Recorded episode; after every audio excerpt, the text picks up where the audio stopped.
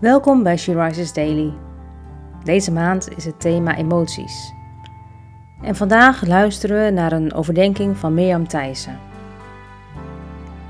We lezen uit de Bijbel, Romeinen 8, vers 5 en 6. Immers, zij die naar het vlees zijn, bedenken de dingen van het vlees, maar zij die naar de geest zijn, de dingen van de geest.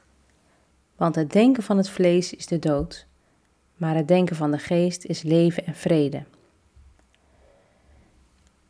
Als we toch eens ieders gedachten zouden kunnen lezen, dan zouden we denk ik behoorlijk overrompeld raken.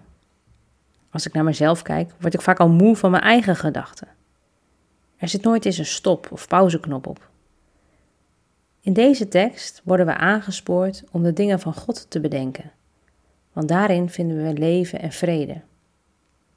Laten we onze gedachten toetsen aan Gods woord en alles wat niet van God komt bewust beleiden om het los te laten.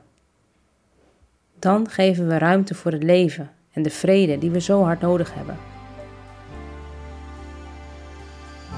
Hoe bedenk jij de dingen van de geest?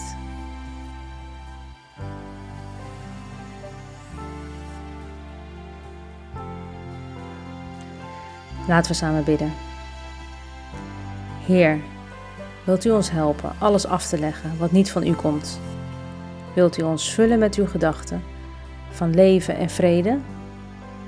Dank u wel.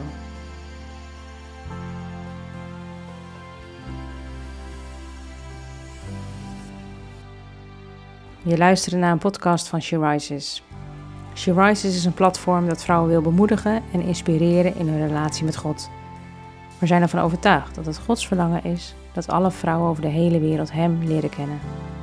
Kijk op www.she-rises.nl voor meer informatie.